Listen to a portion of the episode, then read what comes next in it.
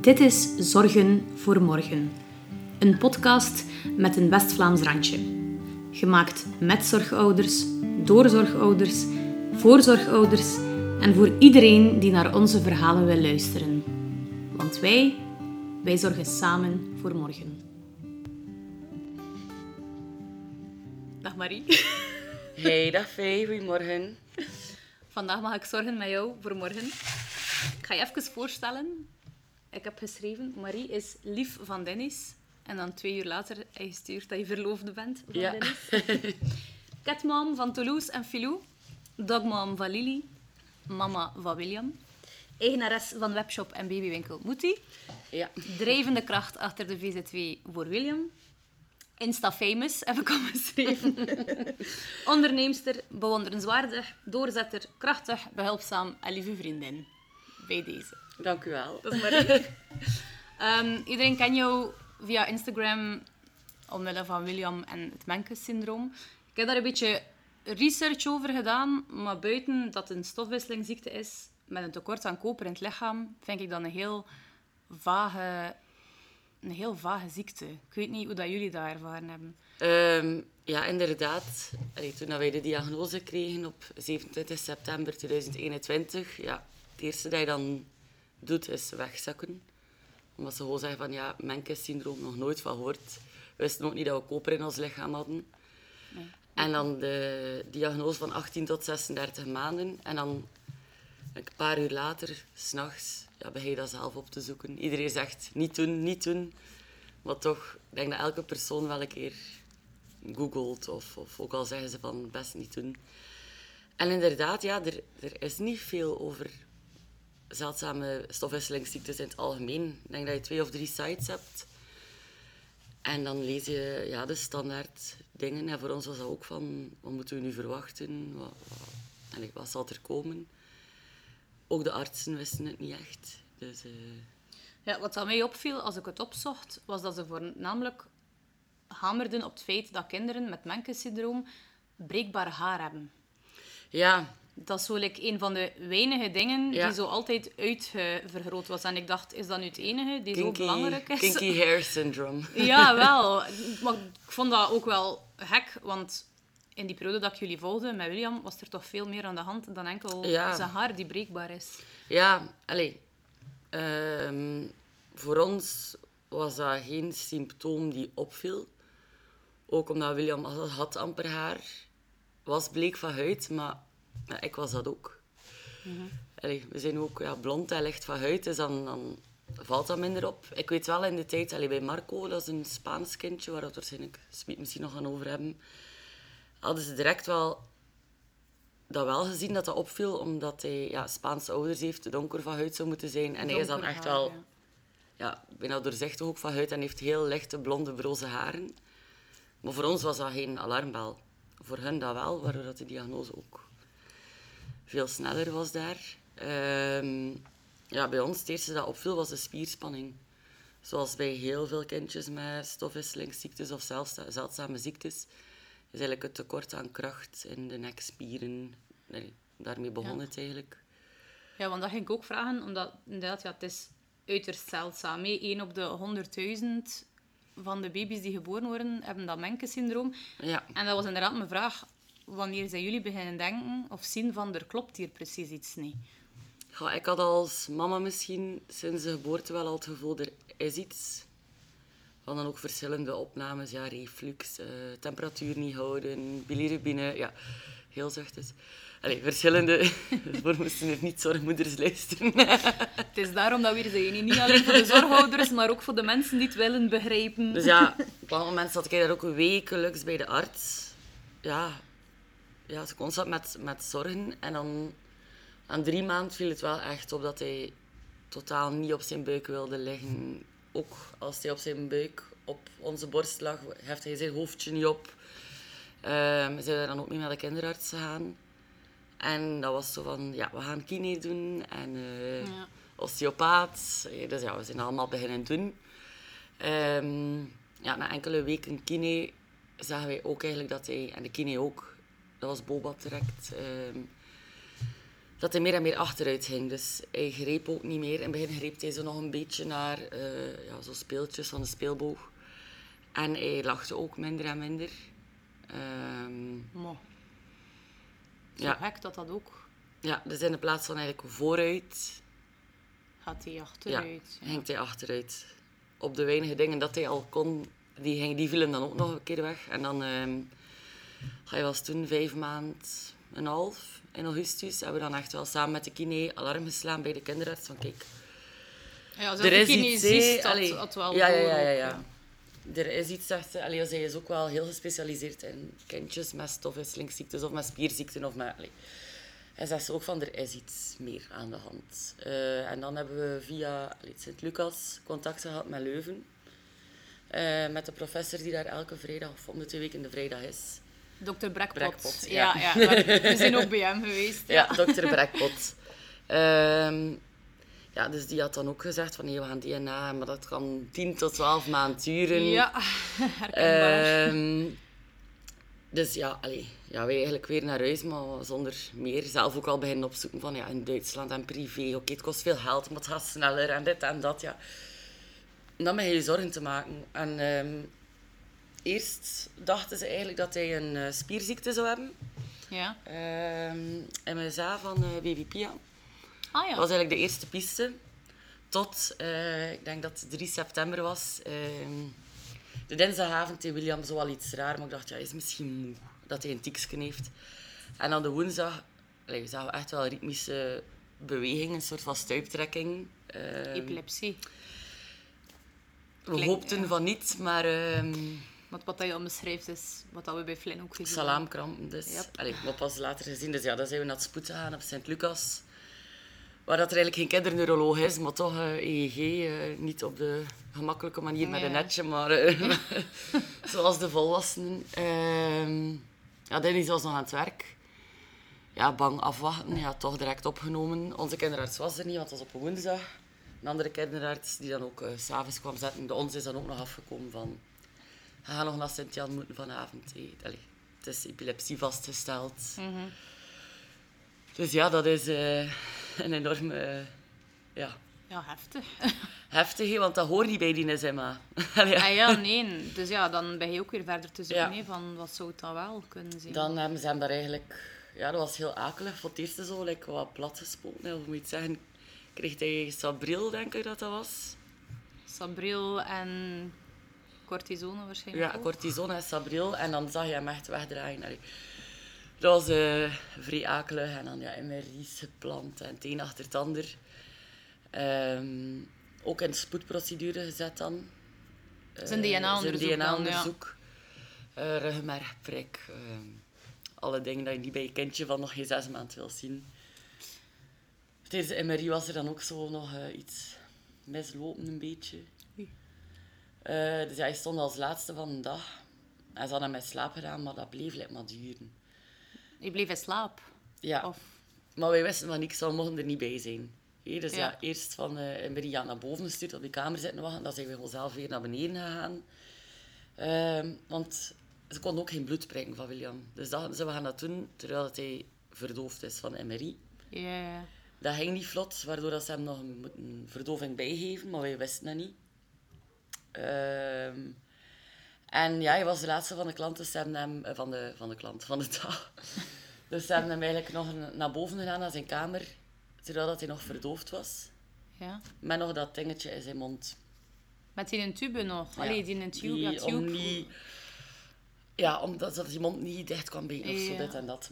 Maar ja, ja toen nieuwe zorghouders nog, hoe moet je ja, zeggen. daar niet bij stil. Nog niet veel ervaring. Hij wordt wakker en hij begon like, te stikken. Uh, dat was de eerste keer dat ik in volle paniek op de gang ben gaan roepen in Sint-Jan. Ja, lijkt me... De eerste van vele keren, maar... Allez, ja. ja.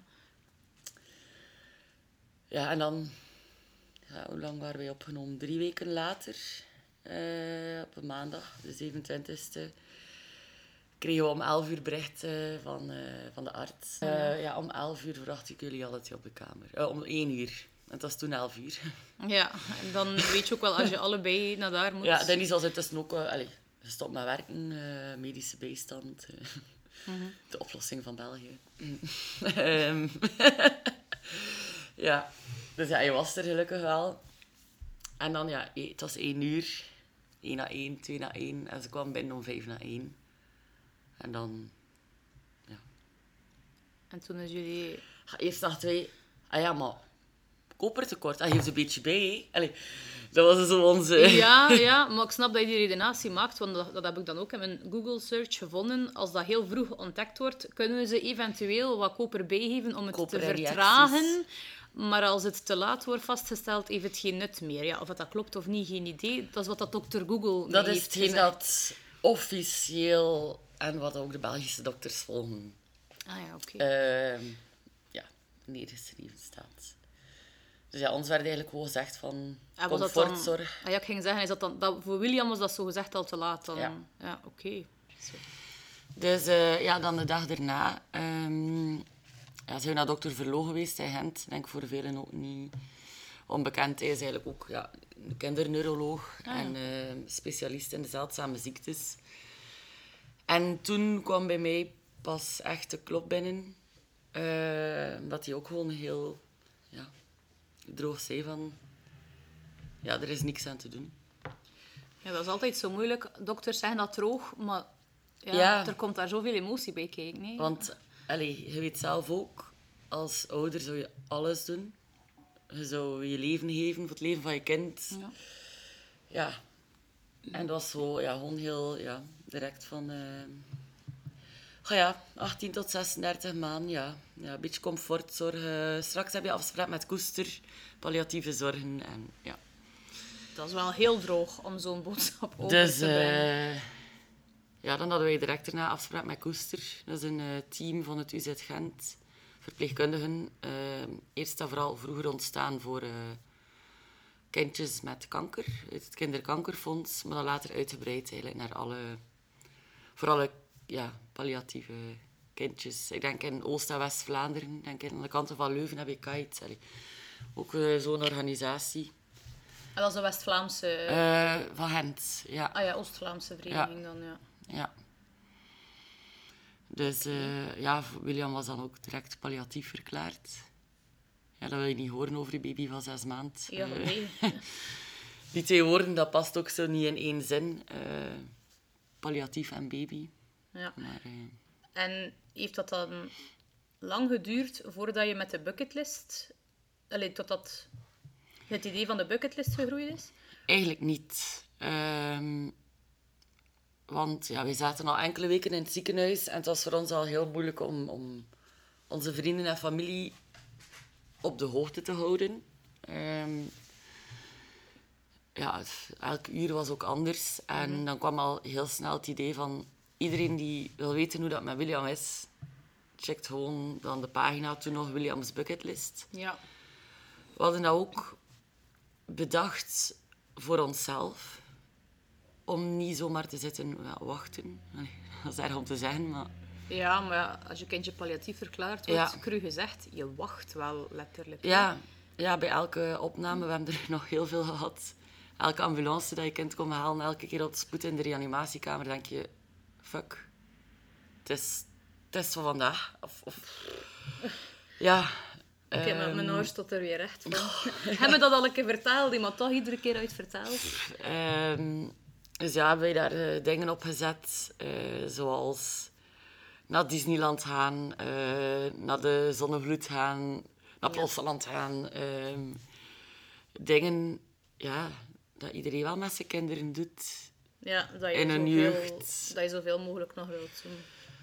Ja, ja, zo. En ook gewoon dat je telkens iets gepland hebt. Iets om naar uit te kijken. Iets van, Ja. volgende week doe je dat of binnen twee weken doe je dat. En niet constant thuis in die angst zitten. Ik eerlijk zeggen, we hebben heel veel niet kunnen doen. Ja, maar ik ging dat vragen aan jullie. Heb ik veel van die bucketlist kunnen doen? Nee. ehm, ja, vorig jaar, het najaar, was gewoon... Ik denk dat we zeven opnames hebben gehad in vier maanden. Eh, na de eerste opname van een maand waren we twee dagen thuis. We dachten dat hij een hoestje had. Eh, we zijn naar Sint-Lucas geweest.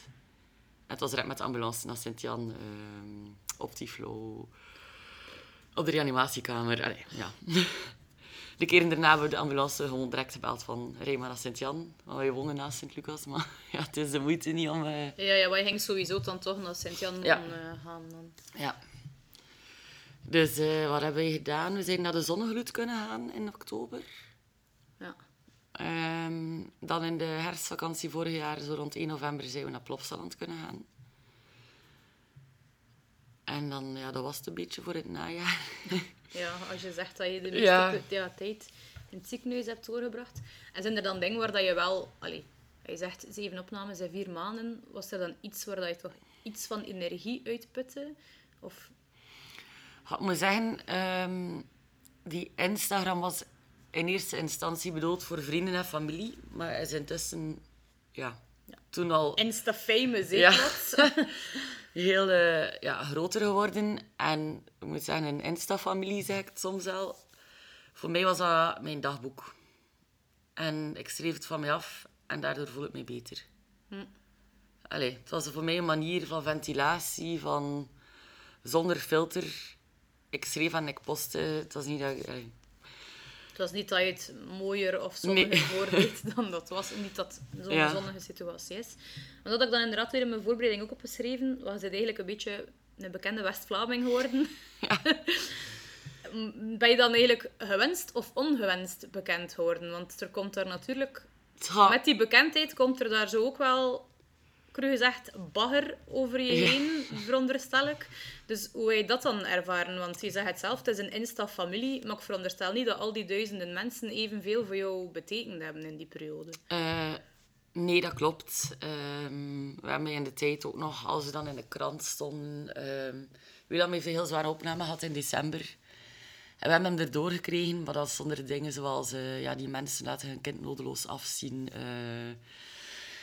ja, en allee, ik denk dat iedereen wel weet als moeder... Als er iets over je kind gezegd wordt...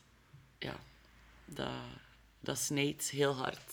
En wij dat dan bewust gaan opzoeken, die reacties, of wij dat links proberen te laten liggen? Oh ja, de dagen zijn lang in het ziekenhuis. Nou ja.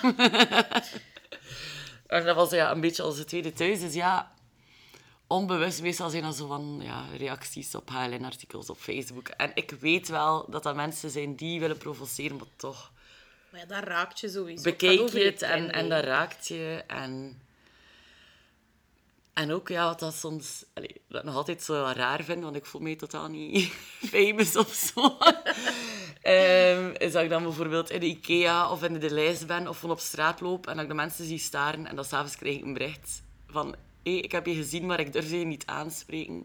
Hi, en ik bedoel, als je mij nog een keer ziet, gelijk wie, Zwaai ik ik, ben niet, ik ben geen BV of zo, ik, weet niet, ik ben ook maar gewoon een mens. Maar ja, het is daarom dat ik zeg, geen bekende West-Vlaming. Maar gewoon, ja, allee, ik, ik ben je ook beginnen volgen door je Instagram. Het is ook zo dat we elkaar hebben leren Ja. kennen. Ik heb al die negatieve reacties ook gelezen. En toen hadden wij zelfs nog geen band. En ik had toen ook al iets van... Allee, Ja, wie houdt er zich daar ook mee bezig? Dat gaat echt wel over een kind. En inderdaad, ouders gaan hun kind niet onnodig laten afzien.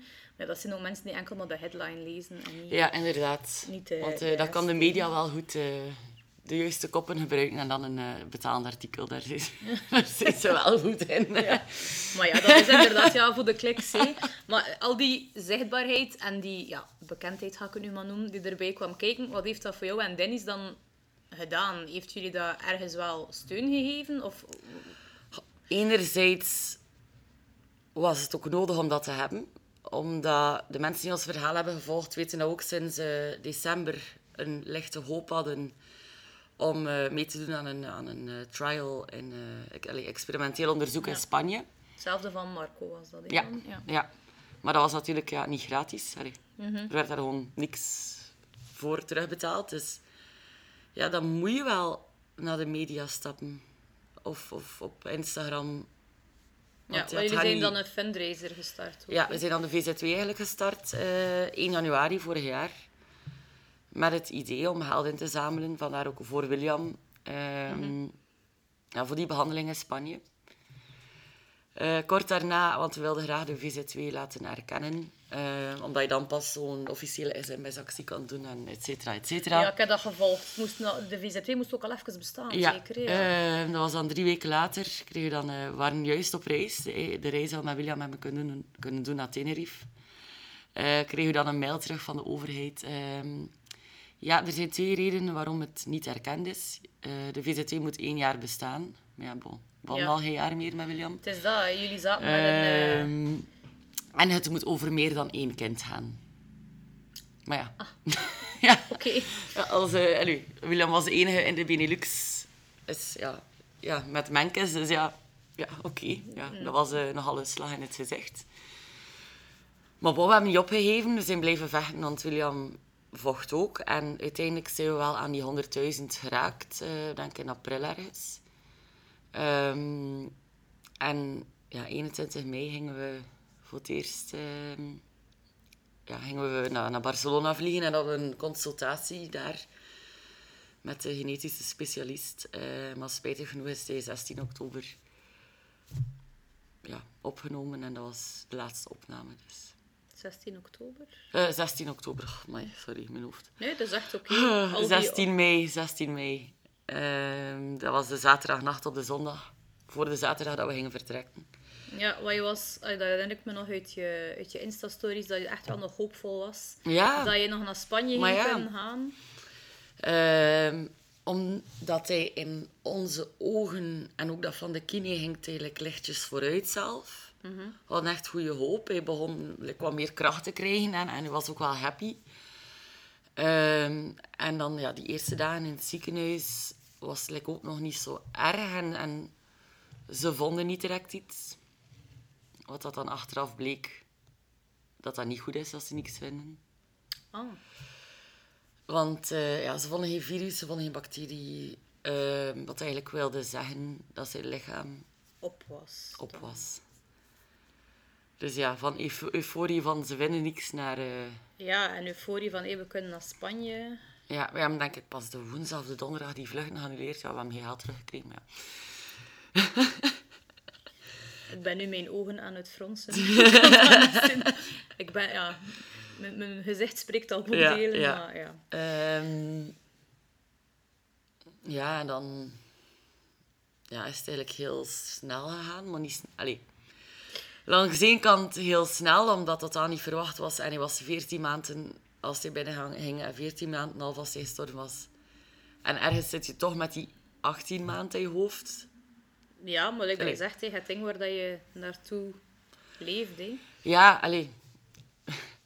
Ik shop nogal graag, dus als in of in Barcelona, ik bedoel, we hadden quasi net nog geen hotel geboekt voor zes maanden. Allee, alles was in gereedheid. In kannen en kruiken om uh, aan het Ja, avontuur te om, beginnen. om gewoon te vertrekken, ja. En, en we zien wel, moesten we daar een jaar wonen, dat maakte niet uit, alles. Tuurlijk, ja. Ehm, maar ja, het was echt... eh, ja, het afscheid was een levensweg. Het was... ehm, ja, als je zaterdag beslist... Dat was dan... Ja, ik weet niet, de zaterdag erop ergens. van... eh, ja... Samen met de artsen, koester, eh, met een heel team van... Ja, er is niets meer ja, dat we kunnen doen. We gaan het eten afbouwen, we gaan de morfine, ehm, mor- morfine toedienen en dan later ook dormicum. En het duurt dan nog eh, ja, vijf dagen en een half. Dat je kind eigenlijk niet meer wakker is of het is in de ergste epilepsieaanval dat hij ooit heeft gehad. Eh, direct met bolussen moeten ja, terug plat leggen. Eh, dat dagen aan een stuk met een schreeuw die uit zijn lijf kwam dat niet oké was. Ehm, ja, en dan de laatste nacht was volledig verschrikkelijk. Hij was eh, gestopt met ademen om kwart na twaalf, s'nachts. En dan heeft hij nog tot elf uur, ehm, s morgens, dus eigenlijk elf uur, tot negen over elf, liggen gaspen. Ehm, dat is eigenlijk een reflex van de hersenen om naar adem te snakken. Maar terwijl zakte zijn saturatie wel lager en lager, werd hij blauw, dan geel. Moesten we hem warm houden met ons eigen lichaam. En eh, Ja, sorry. Ze zegt, oké, ik, ja, ik heb dat verhaal al gelezen. Had Ja, ik heb nog nooit echt verteld, op. Ik heb ook geweend toen dat je het me hebt laten zien. En nu heb ik ook weer echt ijskoud. Geen enkele ouder en zelfs geen enkel kind mag dat... Allee, zou Nee. dat mogen meemaken. Nee. Ja, we hebben letterlijk allee, het haal zien uit zijn mond en zijn neus lopen. Ehm, dus ja, dat is gewoon niet het einde dat je wenst. En ook niet het einde dat niemand je op voorbereidt. Je bent nooit voorbereid, maar de, op, allee, de mogelijkheid van haspen was zelf niet uitgelegd of zo. En, Ja, want als ik, me, als ik me goed herinner, had je ook gevraagd toch, die nacht aan de verpleegkundigen of dat ze meer konden doen. hè? ja, ja, onze arts was daar om, om 20 voor 1 s'nachts. En zij liep ook echt met de handen in het haar. Belde naar, naar Gent, naar Leuven, naar Brussel. Ehm, maar bij een kind mag er gewoon actief niets aan euthanasie. Ja, wat zij noemen dat euthanasie, actieve, hè, seda- toch? actieve sedatie mag niet, enkel passief. Maar ja, die dormicum hadden ze allemaal tien gezet en dat deed niks. En dormicum, wat is Dat is, een, eh, dat is fentanyl, dat is eigenlijk een inslaper. Ah ja, oké. Die eigenlijk al van de maandag kreeg. Dus ja, zijn...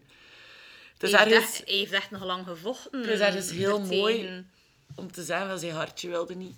Hmm. Maar ja, Maar zijn lichaampje was op. zijn hart was heel sterk en bleef kloppen. Maar-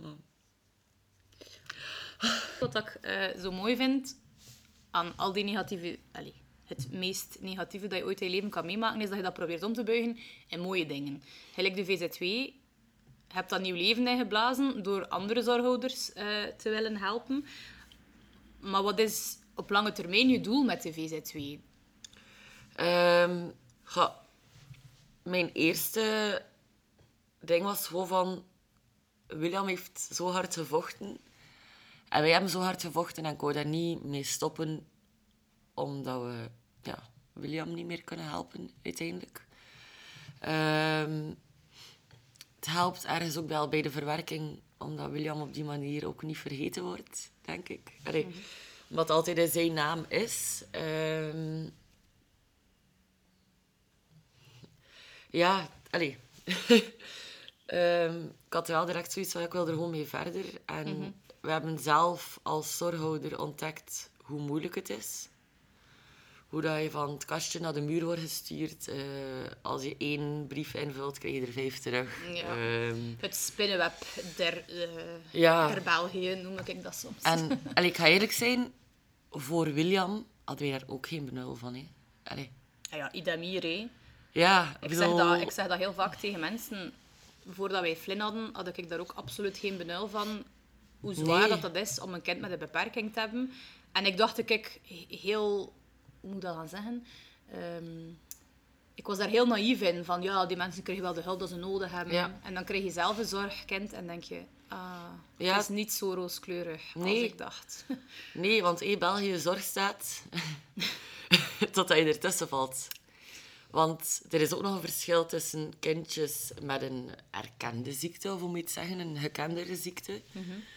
Zoals allee, kanker en zo. Bedoel, allemaal even erg. hè. Tuurlijk. Maar volgens de Belgische staat, ik nog heel in het begin, ja, belt dan met de ziekenfonds en met de hospitalisatie. En dan die en dan die. En de een stuurde aan de andere. En dan hoorden wij, ja, maar Menkes, dat staat niet op onze lijst van zware ziekten. Omdat het een zeldzame ziekte is. En ik zei, ah ja, dus. Ah ja, ja. Ja. Niks, hè. Ik zei, ah, oké. Dus eigenlijk hadden wij voor William geen bijkomende tussenkomst, bijvoorbeeld van de hospitalisatie. Was dat gewoon hetzelfde of hij en ik. De, Ja, omdat hij niet inderdaad op de Ja. lijst met ernstige ziektes staat. was dat de, de, antibi- ja, de medicatie voor en na de opname. Maar bon, we hadden nu nog het geluk dat we daar praktisch woonden, uiteindelijk. Ja, maar ja. Zegt ze met een glimlach, maar eigenlijk is dat wel heel, Ja, dat heel zijn... erg. eh, Ja, allee, ja, maar ja. Ja. Ehm, dan eh, heb je recht op, eh, recht op hoe noem het, zorgbijslag tegenwoordig. Zorgtoeslag. Zorgtoeslag. Ja, ja, ja. Ehm, waar dat wij uiteindelijk, ja, geluk is weer eh, zo'n grappig woord. ja, want ik ging net zeggen, wetende dat bij William die diagnose kwam Ja. dat hij zes maanden is en hij is maar amper een jaar mogen worden, wetende dat wij al meer dan 18 maanden wachten op een beslissing Ja. van de... Daarvoor hadden wij dan ook ergens een Of heb je een spoed... Ah, oké, omdat dat hij bestaat palliatief wel. was. Oké, ja, maar ja, voor hetzelfde Ja. geld, cru gezegd, zit je Dus uiteindelijk hebben wij daar eh, vier, vijf maanden op moeten wachten. Maar het ging dan wel pas terug tot aan 1 oktober. Waar dat, ja, eh, omdat de diagnose 27 september was.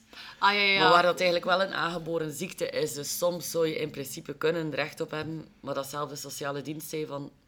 Rekent er maar niet op. Doe het maar niet opnieuw, want hetzelfde geld krijg je minder punten omdat er iemand anders achter het bureau zit. Ja. Ja.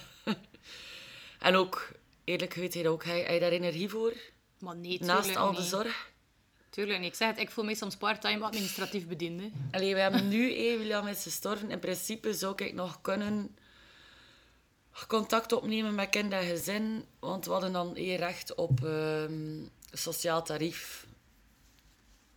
Nee, dat hoorden ze bij de Dat erkenning van de, punten. Ja, klopt.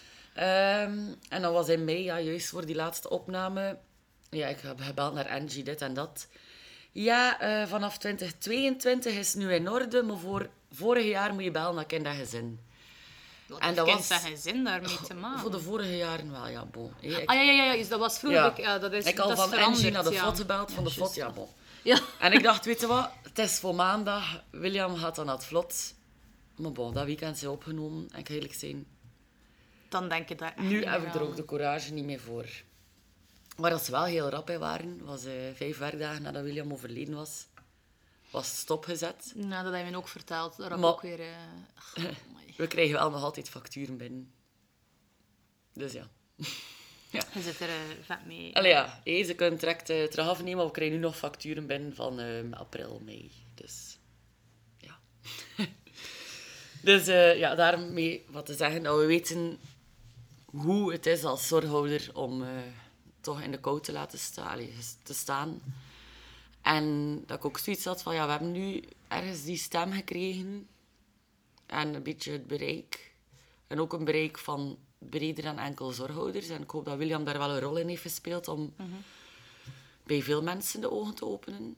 Ehm, dat ik zoiets had van, ja, ik wil dat nu niet allemaal tenieten of, of opgeven, terwijl dat we nu juist een beetje die stem hebben. En vandaar ook het idee om de VZW Uit te breiden naar uit te breiden. Eh, enerzijds financieel voor zorghouders en anderzijds ook op politiek vlak. Ik moet zeggen, de laatste tijd heb ik er wat minder tijd voor gehad. Het is redelijk druk. Ja. Ehm, eh, maar dat staat wel nog op de planning. Mevrouw Krevits eh, is normaal vanaf vandaag terug aan het werk. We are coming. Nee.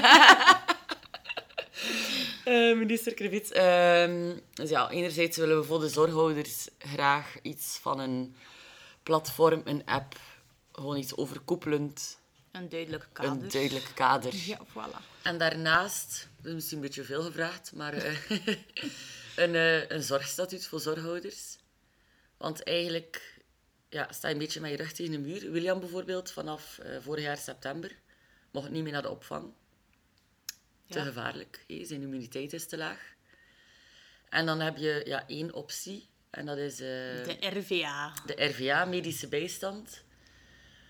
Maar eh, ja, ik denk dat het nu misschien geïndexeerd is tot 800. Ik weet niet, en het is ook, het is ook gelimiteerd in Ja. tijd. hè. Ja, dat dus, hebben wij ook eh, gemerkt met Flynn. Dus, Na ja. 12 maanden moet wat. Je kent of genezen zijn of gestorven. Allee, om het heel cru te zeggen. Zie maar cru. Allee, ja. zo, is allee, zo komt dat bij ons Ja, ook over. en- ja. ja, sorry, maar het minimumloon is 1400 euro. Of zoiets. En als zorghouder ja, moet je dan... Je hebt extra kosten, extra zorgen. En moet je rondkomen met een 800 euro. ja, het is belachelijk. Hè, ja. Ja, Dus eh, schrap dat maar hoor. Het is te veel gevraagd om een zorgstatuut te krijgen. Eh, nee. ja gewoon iets voor, voor zorghouders. Allee. Ja, voilà. Ik zie mensen zich letterlijk in, in bochten wringen om, om het beste te kunnen geven aan hun kind. Maar ook wel nog te zorgen dat er eten op tafel is. Ja, voilà. Ja, en dan daar met de VZW proberen wij dan ook financieel tussen te komen voor aankopen die door België anders niet terugbetaald worden. Zoals Waarvoor dank. Met heel veel liefde. Zoals Flynn zijn bedje. Ja. Ja, zoals een, een, een buggy eh, die ook ja, in een bos kan wandelen. Want ja, dat is niet levensnoodzakelijk, hè, volgens de staat. Ja. Eh, of een, een fiets, ehm, ja, een aangepaste fiets, allee, aan de fiets aan de ouders te hangen, zo zaken. Ja, dat je zoiets hebben van, ja, het is niet omdat je kind ehm, een beperking heeft, ook wel een lelijk woord is, dat hij heb- beperkt moet zijn. Ik heb er geen probleem Oh, mee ja, met dat woord. maar dat hij daarom beperkt moet zijn. Ja, maar dat is. Of dat het allemaal lelijk moet zijn omdat je kind een beperking heeft. Dat heb Ja. ik heel vaak ook Ja, gemerkt. Wij konden een bed aanvragen via het VAPH, maar dat is dan zo'n steriel ziekenhuisbed. En dan heb ik zoiets van, ja, maar waarom mag mijn kind geen huiselijk bed hebben? ja. Waarom moet er altijd ziekenhuissfeer in mijn huis zijn? Ja, ja, het is waar, hè. Dus, ehm, Maar ja, het wordt ook niet allemaal volledig terugbetaald. hè. Dus, allee, ik bedoel, niet om mensen illusies of zo. eh, allee, ik weet niet hoe dat ik het moet zeggen, maar we gaan ons geen illusies maken. Het is niet allemaal terugbetaald. nee, nee. Dus ja, ik hoop dat we daarmee toch eh, wat mensen kunnen helpen. Ehm, en we steunen natuurlijk ook internationaal nog het onderzoek naar menkes. Ja, maar jullie hebben nu ook een, eh, een soort wedstrijd. Of ja, mag ik het een wedstrijd Eh, noemen? ja. Of, ja, een award? Nee, een, een award. award. Ja, een award, ja. Eh, dus ja, samen met eigenlijk het internationaal ehm ja, Menkes Association ehm, hebben de William de Rieke Cortier Award in het leven geroepen. En ehm, deze gaan we eigenlijk internationaal verspreiden naar dokters, professors, PhD-studenten. Ehm, ja, om een beetje het onderzoek naar menkes te stimuleren. En om er ook wat wereldwijde Ja. naambekendheid aan te Naambekendheid en ook gewoon, ja, hoe bekender het wordt, hoe vaker er vroege detectie zal zijn. en hoe vaker, ja, hoe sneller er een oplossing voor zal zijn. Want ik eerlijk zijn, de farmawereld springt er niet op, want het is te zeldzaam. Ze verdienen er niet genoeg aan. Nee. Goh. Dus eh, wij, ja, eh, dat is een, een prijs van 10.000 euro die om de twee jaar zal uitgereikt worden. Ehm, en dat is ook iets dat we met de VZ2 eigenlijk bekostigen. Mooi. Eh, als ook dat we nu onlangs, ehm, ik heb er nog niet over gepost, ehm, terug een nieuwe onderzoek internationaal ja, financieel steunen. Vraag mij niet de details. Het is mij al uitgelegd geweest in dokterstaal en gewone taal op brief via Skype. Maar eh, chemie was mijn slechtste vak op, eh, in het middelbaar. Zelf gebuist en zo. Ehm, maar het is eigenlijk een soort oh, bereiding van een eiwit, ehm L-clomol, waardoor de koper zou getransporteerd worden in het lichaam. Maar ehm, als het doet wat het zou moeten, zou het ook echt helpen voor kanker en, ehm, en eh, Alzheimer. dus eh, ja, het is echt wel baanbrekend werk. Er werken zeven, ehm, ja, zeven wetenschappers wereldwijd gratis aan. Amai. Omdat ze er ook echt wel in geloven. En wij ja, bekostigen eigenlijk een beetje ja, het, het laboratorische werk ernaartoe. Een beetje het onderzoek eigenlijk. Ja, een beetje het onderzoek, omdat er eigenlijk op dit moment niemand anders ja, naar kijkt. Wat dat erg is. Wat dat erg is. Want eh, Marco, daar moeten we het toch wel ook over hebben, Zeker. is eh, nu twee geworden in juni, 5 juni, kort na, na William kwijt zijn geraakt. Bij hem hadden ze het gezien de dag na de geboorte. Zo snel al. Ah ja, omdat Toevallig hij... Ja. eigenlijk, ook omdat hij, Marco is in Rome geboren en eh, daar was net een, eh, een wetenschapper aanwezig die het jaar ervoor met menkes bezig was geweest. Dus ja, wel heel snel die symptomen zag. Dus eh, ja, Marco heeft denk ik sinds een week na zijn geboorte ja. gekregen. Ehm, ja, die de ziekte vertragen. Ehm, en sinds januari krijgt hij wekelijks de LS-clomol-injecties, dus het proef... Ja, dat is dat de- onderzoek waar dat William, William, ook, ook... als ja. tweede kindje ging, ging aan deelnemen. En ja, de resultaten zijn enorm. Hij heeft deze week zichzelf voor het eerst opgetrokken. Hij stond recht. Amai. Met de spalkjes, met de kine doet hij al trapjes. Dus ehm, En hij is heel slim. voor, allee, ik ken Marco nu bijvoorbeeld niet zo goed. Wat kon Marco voor dat onderzoek? Allee, voordat hij in die test... Ehm, Hij had eh, geen epilepsie. Wat dat een hele grote is. Qua... Allee, epilepsie zorgt bij veel kindjes ook door, voor het hypotoon zijn, denk ik. Eh, ja. Ja, allee, door de medicatie van de epilepsie zijn ze vaak ook slapper, omdat dat van alles... Flynn is ook zo, ja. Ja. Ehm, maar ja, hij ging ook niet ouder worden. Het, vertraagde gewoon een beetje de symptomen. Ik kon zo heel klein beetje zitten, maar niet extreem. Dus ja, het is echt wel een zotte vooruitgang Ja, dat hij eigenlijk nu op negen, eh, tien maanden geboekt heeft. Ja, en al, allee, in het geval van kindjes met menkes, als ik het goed gelezen heb allemaal, is iedere vooruitgang een win. Hè. Natuurlijk, Ja, tuurlijk. want normaal gezien is het juist omgekeerd. Hè. Ja, inderdaad. Dus... ehm, Amai, go Marco. Ja, Amai. ja. En die, allee, eigenlijk is allemaal de mama van Marco. Die al zijn gang heeft gezet. Ja, want zijn jullie dan via, via welke weg zijn jullie dan eigenlijk in contact gekomen met elkaar? Ehm, via het Menkes Institute in Ohio, in Amerika. Wow. ja, ja ehm, wij zijn zelf ook direct beginnen opzoeken. Allee, een vriendin van ons ook, ja, een Zweedse, ja, bon, maakt niet echt uit. Zij was, eh, ze zat daar vreemd mee in, ook dag en nacht aan het opzoeken. En zij had al zitten mail sturen naar het Menkes Institute in Ohio. Amai. Dat was al in oktober, ja, toen dat voor ons nog even... eh, Ja, het mo- het moest Ja. even nog zakken. Maar wij hadden ook niet veel tijd, want na elke drie, vier dagen thuis waren we terug opgenomen. Dus, eh. Ja. Ehm, en hij heeft ons dan in contact gebracht met Aurora, de mama van Marco. En ja, zo beginnen bellen en, en mailen en doen. En ja, van in het begin ook bij betrokken geraakt. Ehm, ja, we zijn ze noemden ons altijd, eh alleen mij, en de marketingmanager van Menkes International ook. Of de fundraiser.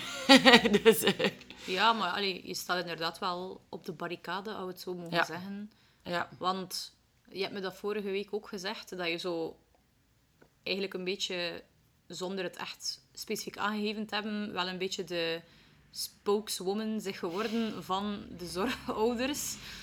ja, Net omdat je, ja, gevecht waarin dat je gelooft. Hé. En dat is toch ook wel iets... Ik heb het gezegd in mijn intro, hé. je bent bewonderenswaardig. Hé. Ondanks je tegenslagen blijven gaan. Het is ook een soort van... ehm, ik heb je dat ook gezegd al, privé. Allee, niet willen stoppen met vechten door de angst van de leegte en het verdriet. Dat eh, heb je inderdaad al gezegd. Een beetje bang eh, voor mijn eigen verdriet of het grote zwarte gat eh, waar ik kan invallen en niet meer kan uitraken of zo. Ja. Ehm, ja, zo bezig blijven en zo. Ja, want allee, je hebt nu ongewild de naadloos de overgang naar Moetie gebracht. Ehm, Waar we nu ook zitten. waar we nu zitten. Ja, we zijn trouwens aan het opnemen in de winkel van Marie, die eh, vrijdag open gaat. Maar wanneer dat de aflevering gelanceerd is, ga je waarschijnlijk wel al even open zijn. Ehm, maar eh, nee, ik was er over laatst met iemand over bezig.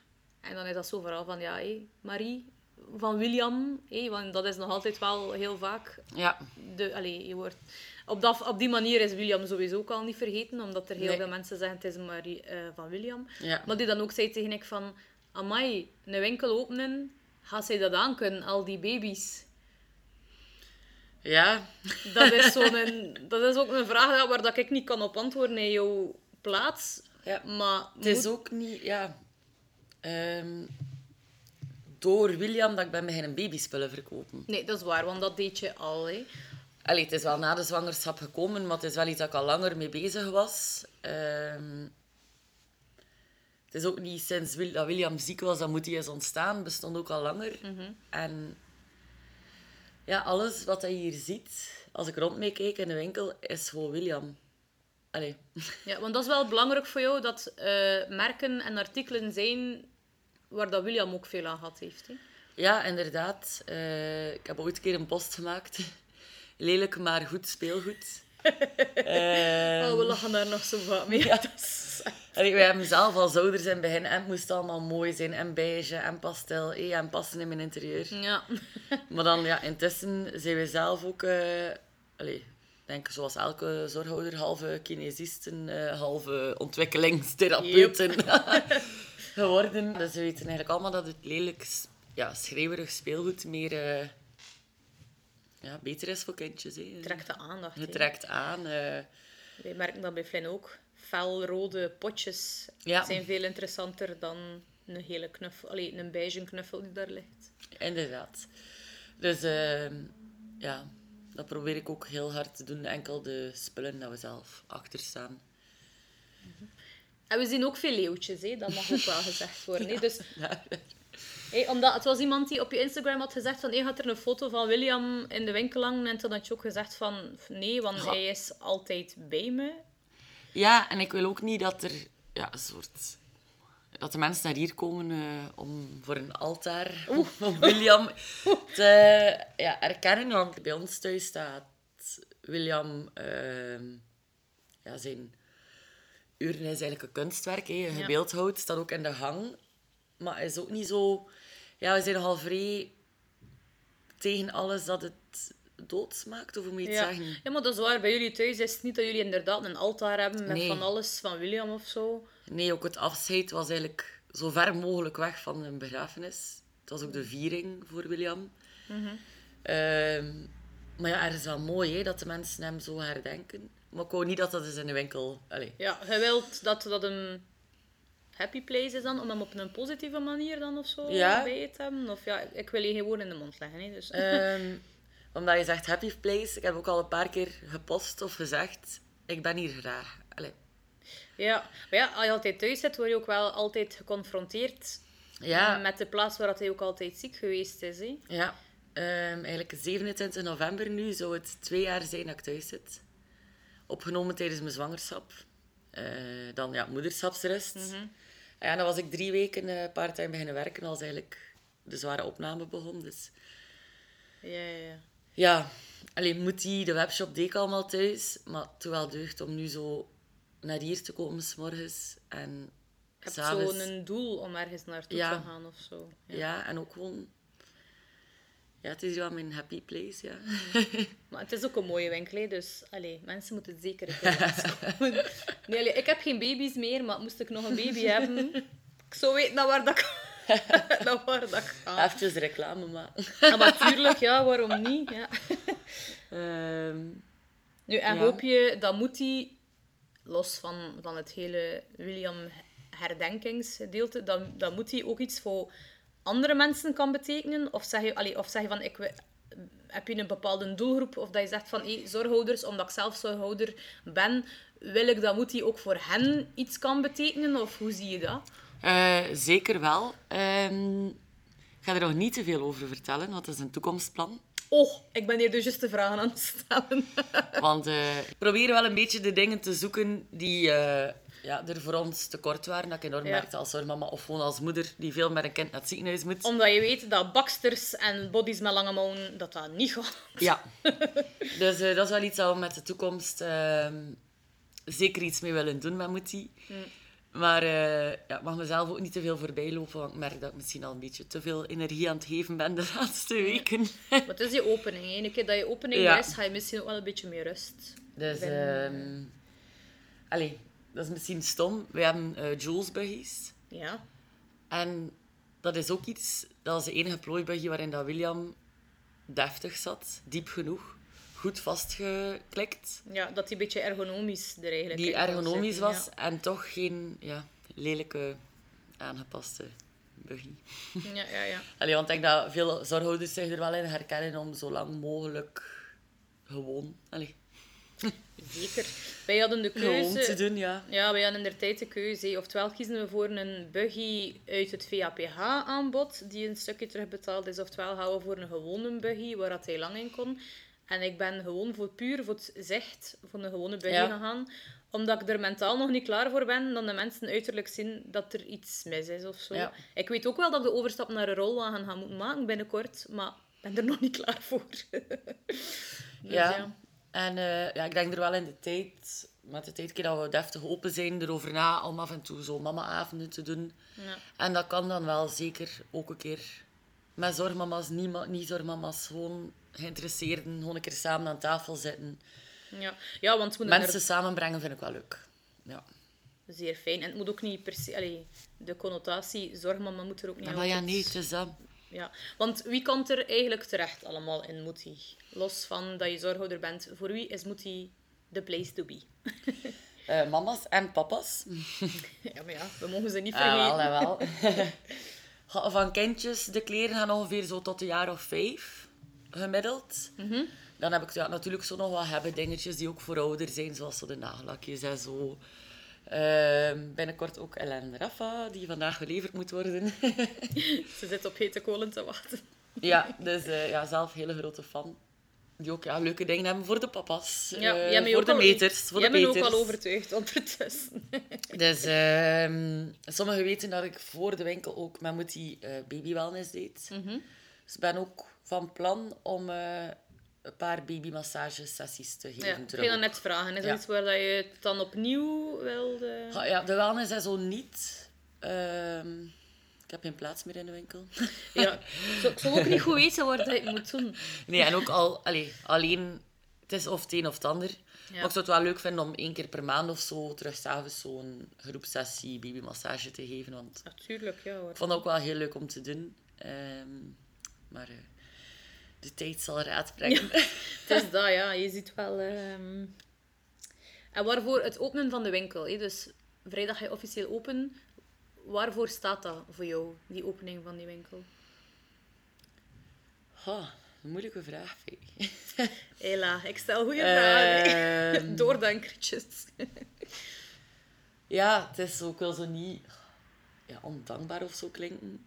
Al veel mensen zeggen van, ah ja, maar hey, je hebt nu toch de winkel en dat is toch goed? Maar voor mij, De winkel vervangt je kind. Nee. Allee. is ja, voor mij dat is een goede bezighouding. Allee, ik doe het ook heel graag, het is ook een droom. Hè. Maar bij elke grote stap of, of leuk moment denk ik wel van, "Ah, ik zou direct herinneren voor William. Ja. Ja. Dus het is leuk en ik ben blij dat ik hier ga kunnen zijn en dat ik volk over de vloer heb en dat ik niet thuis alleen ga zitten. Maar ik zou alles, ja. Ja, ja uiteraard, ja. Zo, en dat klinkt zeker niet ondankbaar. Ik denk dat iedere ouder die nu luistert naar die podcast zoiets heeft van... Moesten we kunnen, we zullen hem zeker ook teruggeven. hè. Ja, ja, Ja. tuurlijk. Allee, ja. Nu, maar ik had daarnet ook al gezegd, hè, dus voor de meesten ga je... Allee, voor veel mensen, zeker de mensen online, ga je altijd mama van William zijn. Maar eh, nu dat je de winkel zo hebt, wie wil je nog zijn naast alleen maar mama van William? Ehm, ik vond het heel leuk eh, toen dat er tien jaar geleden of zo iemand ehm, naar mij refereerde als... Ah, maar dat is eh, Marie van Moetie.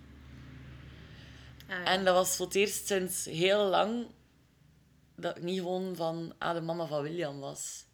Dat je meer Maar bent dan ook- enkel... Allee, want ik heb soms ook al negatieve commentaren gehoord dat mijn succes enkel is door eh, de bekendheid van William. Wat? Ja. Goh, echt, sommige mensen kunnen zo heftig zijn. En, weet je, en dan ben je op een duur aan jezelf te twijfelen van, ja, doe ik dat hier wel goed? En, en komen de mensen wel ja, voor de winkel zelf? Of, of dan is het wel leuk om gewoon een keer te horen van, ah, Marie van Moetie. Allee, Het is dat, ja, je zit inderdaad wel meer dan, ja. dan enkel dat. Ja, ja, kind verliezen, dat tekent je voor de rest van je leven, nee, sowieso. Maar wat mogen we je wensen voor de toekomst, Marie?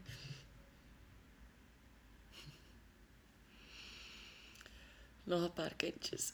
nee, eentje is goed. Ehm, ja, nee, Dennis en ik we hebben altijd een groot gezin gewild. Drie kinderen. En eh, ik weet, ik was niet zeker of ik erover ging praten of schrijven. Maar misschien is het toch wel het moment. De podcast zegt, het wordt toch waarschijnlijk maar gelanceerd in januari. Dus. Ja. Eh, nee, we zijn eigenlijk al van oktober vorig jaar in het IVF-traject beland. Eerst met genetische onderzoeken of we wel mochten. Omdat, ehm, ja, ik ben drager, dus op natuurlijke wijze opnieuw zwanger worden is niet zo slim. Je hebt echt 50-50% 50-50 procent. Dus ehm, ja, er is een optie, maar dan moeten we aan 13 weken horen of we mogen houden of niet. Dus eh, ja, zijn we eigenlijk van januari al bezig met een IVF-traject. Wat dat spijtig genoeg nog heel vaak taboe is, want eigenlijk zou je moeten trots zijn en tegen iedereen zeggen van... Allee, Ja, ja, je moet niet, iedereen is anders. er is niks om je over te samen dat je, samen dat je een kind wilt. Nee, zeker niet. Want ik ben er intussen al heel vaak geweest op het CRG Sint-Jan. We zitten daar iedere ochtend minstens met 20. Oblief, met zoveel? Ja, Is het dat waar? is echt eh, aan de lopende band, bloed, echo. Ja, zie, maar dat zijn inderdaad dingen allee, dat je niet weet. Nee. En allee, het loopt allemaal niet echt van een leien dakje. Intussen hebben we al twee pick-ups gehad. Ehm telkens zes weken moeten wachten op Leuven. De eerste keer was er één embryo, was die drager. De tweede keer hadden we twee embryo's. Ehm, ja, toen was het al eh, midden juni. We hadden het nieuws ja, net na William. Ehm, en dan ja, begin je met hormonen voor terugplaatsing. Dan blijft dat niet te werken. Nu onlangs toch een eerste terugplaatsing gehad. Om dan te horen na twee weken vol spanning, die ik eigenlijk niet heb volgehouden. na een week dagelijks drie testen te doen zelf. eh, mijn bloed laten trekken door mijn nicht die huisarts is. Ja, gewoon omdat de wens zodanig groot is, dan toch te horen dat het niet, ja, Dat niet gelukt is. Ehm, dan nog te horen dat het waarschijnlijk door je eigen lichaam is, die eh, niet altijd werkt zoals het moet. Ehm, ja, dat zijn ook allemaal klappen. Hè? Want je, ja, je weet van, je hebt twee embryo's, nu nog één. Als het niet lukt, is het helemaal opnieuw terug de pick-up. beginnen. Ja. Dus eh, ja, de kinderwens is er wel nog steeds. dat, dan- krijg heel vaak de vragen zo, hey, en, eh, willen jullie niet nog een kindje? Of waarom verkoop je dit? Eh, wil je niet nog een kind? Ja. Ja, Zo echt van die reacties dat je liever niet hoort op dat moment. Nee. ja. ik ook vaak hoor van nog mensen, allee, wensouders eigenlijk, die ook eh, graag een kindje willen, dat ze dan zo de vraag krijgen op familiefeesten. Ja, en wanneer ga je eraan beginnen? Ja, ja, ja. En dat is net waarom dat ik inderdaad ook snap dat je zegt van, dat moet uit de taboesfeer geraken. Want als Ja. mensen niet weten... Allee, ik heb nu ook een, een, een collega, allee, een ex-collega, die ook in het IVF-traject zit. En die heeft daar zelfs een Instagram-account voor, op, eh, voor opgemaakt. Omdat ze ook zoiets heeft van, waarom moeten we er een taboe van maken als we er voor elkaar kunnen zijn? Maar natuurlijk, als mensen daar liever niet over praten, wat het moeilijk is, alle begrip voor. hè, Maar Ja, elk zijn eigen keuze, maar het is gewoon spijtig soms. ja, ik las over laatst ergens dat er één op de zes vrouwen IVF moet doen ergens in haar zijn er leven. veel, hè. Ja. Dus ja, Ik schrik daar ook van nu in mijn omgeving. Als jonge twintiger ben je daar absoluut niet mee bezig. Maar nu dat je zo... Ja, we, we hebben, we hebben al twee tram drie ondertussen. ja, ja, ja. Dat je inderdaad merkt, mensen rondom je... Als je dan een kind begint, staat er daar niemand bij stil dat dat moeilijk kan gaan. Hè? En dat is echt gek als je nu in een omgeving... Ik denk dat iedereen binnen zijn vriendenkring zeker één, één koppel heeft die niet op natuurlijke wijze zwanger Ja. Ik ben daar ergens wel van overtuigd. Ja, allee, ik verschiet altijd hoeveel volk dat er zit. Allee, het is nu al bijna een jaar dat we al bezig zijn. Mhm. Ja, iedere keer opnieuw. En hoeveel doorzettingsvermogen. Want ik ga eerlijk zijn, het is niet simpel. Al die hormonen. Dat is lichamelijk en mentaal toch wel een serieuze aanslag op je lichaam en je hoofd. Ja. Allee, ik kan er niet over meespreken, maar... Het is niet simpel. En heel veel mensen ja, je moet misschien een beetje rust nemen of kalm maar aan doen. Maar als die wens zo groot is en iedere maand, ah, die maandstonden komt terug, ja, mag weer beginnen over drie dagen. Ook al zeg je een week ervoor, ik ga even pauze nemen. Maar vanaf dat die kans hem terug voordoet, denk je van, ja, Ja, ik ga ervoor, hè, ja. ja, Het is dat, maar ja, moet een beetje rustig aan doen. Allee, de meeste mensen die niet van de eerste keer zwanger geraken, waaronder ik in het begin, al die mensen die zeggen, het is omdat je er te veel op focust. Ja. Dan denk ik van, ja, tuurlijk ben ik me daarop aan het focussen. Ik bedoel, ik wil Ja. een baby. Ik heb die vraag ook expliciet aan mijn arts gevraagd eh, vorige week. Ik zei, ja, ik kreeg heel veel commentaar van mensen die zeggen, ja, en eh, je hebt zoveel meegemaakt, en het zijn de emoties, en dit en dat. Hij heeft er gewoon heel kort op geantwoord. Ik ben een dokter, ik babbel ook niet over auto's, dat is voor garagisten. en ik vond dat een prachtig antwoord, Heerlijk. want ja, het is waar, hè. het is een specialiteit. M is, eh, er is een fertiliteitsarts. Ja, het is dat. Als, Allee. als hij zegt van, je moet blijven doen Ja. met wat dat je bezig bent, zal er wel waarheid in zitten, ja. Dus eh, ja, we hopen op een, eh, een, kerst, een kerstwonder. Ik denk, ja, ik wens het je zeer toe. Dankjewel. Nu, ik wil eh, iedere ehm, podcast, allee, iedere aflevering wil ik eindigen met dezelfde vraag. Eh, en dat is, welke raad of boodschap heb je voor andere zorgouders? En welke raad of boodschap heb je voor de familie en vrienden van zorgouders? Dus eigenlijk zijn het twee aparte vragen. Ehm, voor de zorghouders, iets dat ik zelf niet zo goed in ben, maar eh, alles mag, niks moet. Ik ben er zelf heel slecht in, maar ik kan wel de raad geven. Maar wij zijn allebei heel goed in raad geven aan andere mensen. Maar onze eigen raad opvolgen. Ja. mm, Doe niets waarin je geen zin hebt. Probeer je niet te moeten verantwoorden als je te moe bent. Of hebt geen zin om bij mensen te zitten die het niet snappen. Want allee, ik denk dat we allemaal wel als zorghouder eh, al eh, in situaties zijn gekomen dat we ergens zaten en we dachten, wat doe ik hier? Eh, die, ja, mensen snappen niet waarover ik het heb. Eh, en als vrienden en familie... ehm, ik denk dat je vooral ook heel duidelijk moet zijn naar de zorgouder. Mama, papa, maakt niet uit. Ehm, ook dat alles mag en niks moet. Niet zeggen van, ah, kom je nu weer al niet mee? Of, allee, hoe komt het? Hij ziet er toch wel goed uit? Allee, allee je doet het lekker toch goed? Oh, oh. Ja? Ja, oh, de, de, de leuke Allee, zin. Ja. Gewoon zo, dat moet geen heel een boek zijn. Gewoon af en toe een berichtje, ik ben er voor je. Of een hartje, meer moet dat niet zijn. ja, gewoon een blijk van, ik ben Ik er ben voor er. je. Ja. Of zeggen van, ah, kijk, maar een ovenschotel wil je ook een beetje... Meer moet dat niet zijn. Want heel vaak, wij krijgen ook zo, als dan berichten, ja, maar ik weet niet wat dat ik moet zeggen. Dan zeg ik, ja, je moet niks zeggen. Zeg gewoon dat je er bent. En ik denk dat veel zorghouders dat wel Preach, woman. deugd van hebben. Ja, nee, zeker. Ja, kijk, merci Marie.